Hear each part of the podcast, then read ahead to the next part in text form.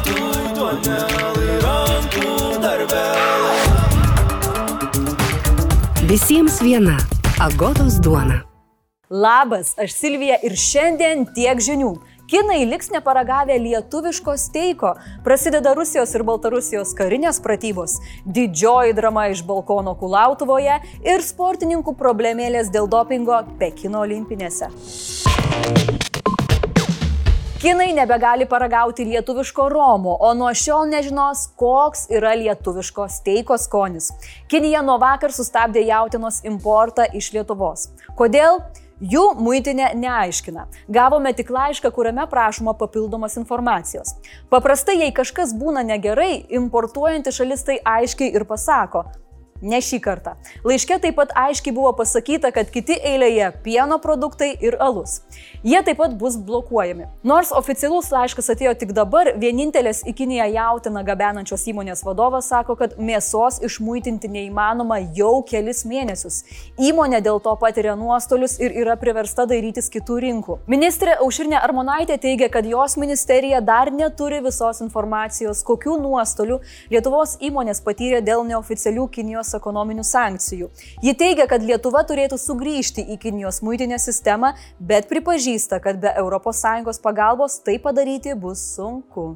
Kinijos užsienio reikalų ministerijos atstovas atsisakė detalizuoti jautienos sustabdymo klausimą. Jis teigia, kad Lietuva turėtų ištaisyti savo klaidas. Čia žinot, kaip būna būtiniuose porų konfliktuose. Ne, ne, aš nepykstu, ne, ne, viskas ok. Hmm. Žodžiu, Kinija mus padruskino ir dabar sprendžia, ar norės mūsų medium rare ar well done. Užsienio reikalų ministras sako, kad jaudintis nėra ko, jautiena ras savo pirkėjus ir rinkas, o ministerija visomis išgalimis padės verslui. Draugas Taivanas sako, kad čia yra patyčios, o jie mus stipriai palaiko. Gal jei taivaniečiai nupirko mūsų Romą, norėtų ir jautienos, alučio, nu, ir pienuko. Hmm? Šiandien prasidėjo 10 dienų truksančios bendros Rusijos ir Baltarusijos karinės pratybos Sąjungos ryštas 2022. Arba išvertus į žmonių kalbą - ryštas susigražinti Sovietų sąjungą 2022. Bresto regione jau parengtos priešlėktuvinės gynybos sistemos S-400. Be to, prieš kelias dienas iš Rusijos į Baltarusiją buvo permestas nežinomas skaičius naikintuvų. Kariai be kitų scenarijų treniruosi sustiprinti Baltarusijos sienos atkarpas, kad blokuotų ginklų ginklų ir amunicijos pristatymą į šalį. Kas tie kiti scenarijai, turbūt nereikia sakyti. Vakarai įtarė, kad Rusija planuoja pulti Ukrainą, bet Putinas žada, kad pasibaigus pratyboms rusų kariai išvyks iš Baltarusijos. O gal Vladimiras, sakydamas išvyks, turi omeny, kad jie tiesiog pervažiuos į Ukrainą? Rusija paskelbė įspėjimus, kad kitą savaitę atitvers Ukrainos kranto liniją busimoms raketų pratyboms. Arba kitaip tariant, užblokuos plačius Juodosios ir Azovo jūrų rajonus, nepraleisdama net prekybinių laivų. Vakarai stebi, kas bus vasario 20 dieną. Tuo tarpu Rusijos užsienio reikalų ministras Sergejus Lavrovas sako, kad vakarai be reikalo isterikuoja. Dar prideda, kad Maskvai adresuoti vakarų grasinimai nepadės numalšinti įtampos. O tai kas tada padėtų, Serioža? Gal gabaliukas aneksuoto žemės, o gal sneakersas? Tvyrant didžiuliai įtampai palaikyti Ukrainos nuvyko mūsų premjerė Ingrida Šimonytė. Ji pažadėjo, kad jau greitai iš Lietuvos į Ukrainą keliaus Stinger ir kitos priešlėktuvinės raketos. Žinoma, su viltimi, kad jų neteks panaudoti.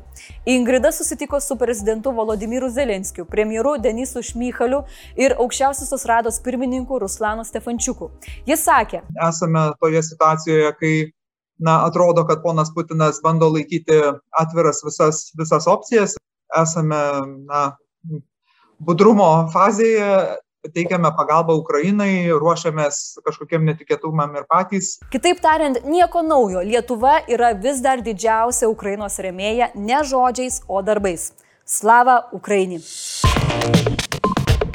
Visi pasaulyje žino, Su plastiku kovoti sunku.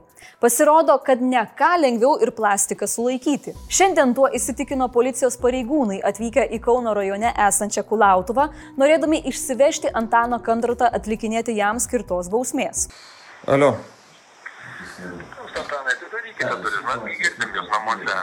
Antanas, aišku, nepėšęs, jam reikia ypatingo pasiruošimo. Aš gi jums sakiau, man reikia susidėti daiktus ir nusipirkti maistą. Ir aišku, dar papusryčiauti. Dar biški kažką užvalgysiu, dar nes nepusryčiavęs.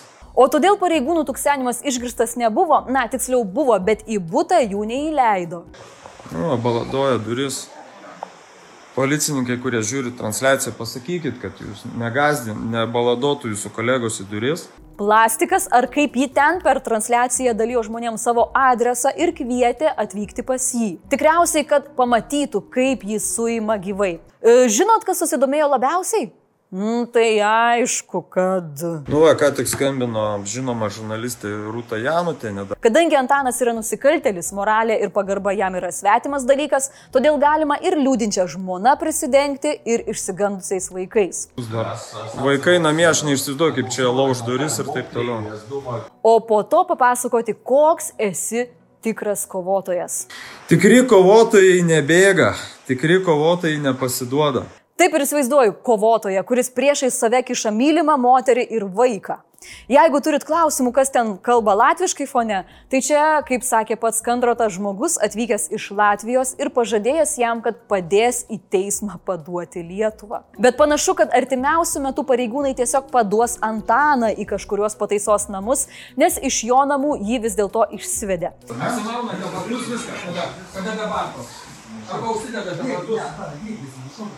Viskas. Tačiau anot kalėjimų departamento atstovės Irminos Frolovos Milašienės, namus Kulautuvoje celofanui pakeis tardymo izolatorius, bent jau kol bus nuspręsta, kur jis bus siunčiamas atlikinėti bausmės. Ir aišku, labai simboliška, kad Kandroto transliacija užsibaigė rusų kalba, lyg paruoštukas prieš paplintant rusiškose propagandos vandenynuose, ar ne?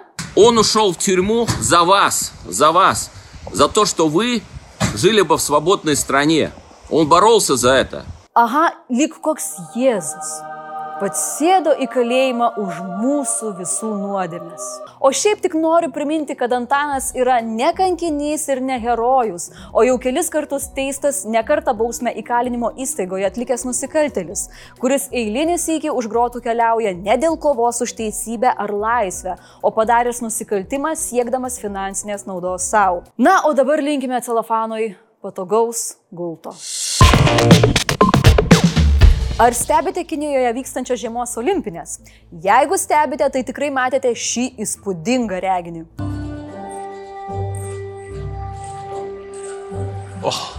Čia yra 15-metė Rusijos olimpinio komiteto dailiojo čiažimo atstovė Kamila Valyjeva. Ji tapo pirmąją moterimi pasaulyje, kuri olimpinėse žaidynėse sugebėjo atlikti keturgubą šuolį. Jį jau matėte. Kas dar įstabiau, tokių šuolių ji atliko ne vieną. Šiais sugebėjimais atletė padėjo savo komandai iškovoti komandinių varžybų auksą. Tačiau medaliai ant kaklo komandos nariams užkabinti nebuvo.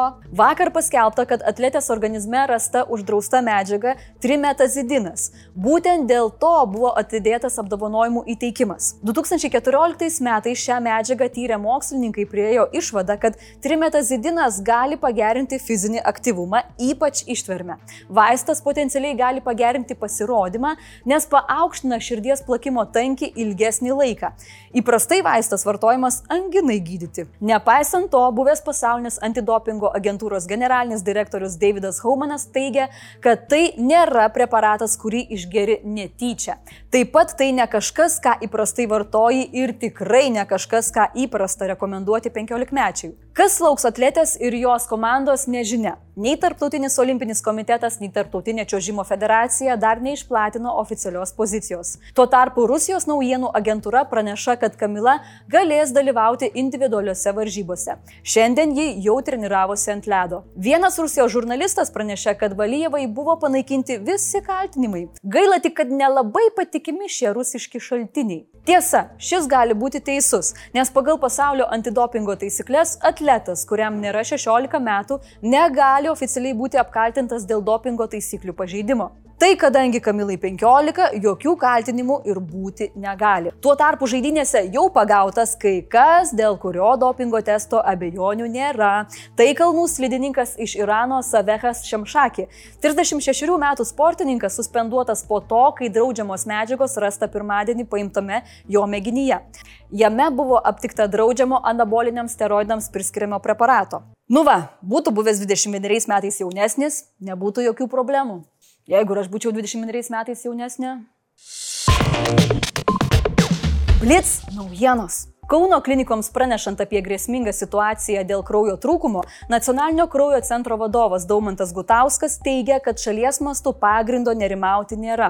Šiuo metu labiausiai trūksta pirmos neigiamos ir trečios neigiamos grupių kraujo. Nacionalinio kraujo centro duomenimis, kas mėnesį donorai padovanoja vidutiniškai 2,35 tūkstančius litrų kraujo. Valstybinė mokesčių inspekcija per praėjusius metus į valstybės ir savivaldybių biudžetus pervedė apie 11 procentų daugiau lėšų nei pernai. Pastaraisiais metais VMI daugiau tikrino statybų, viešojo maitinimo, naudotų automobilių prekybos ir remonto bei odontologijos įmonės bei veikiančias elektroninėje erdvėje.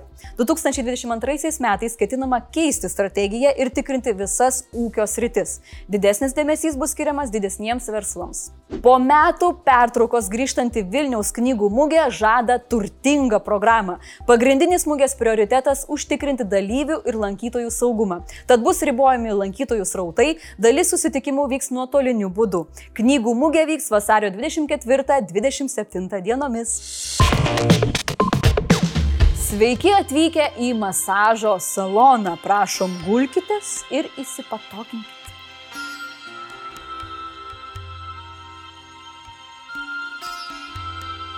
Draugai, gero artėjančio savaitgalio, saugokit save ir tiek žinių.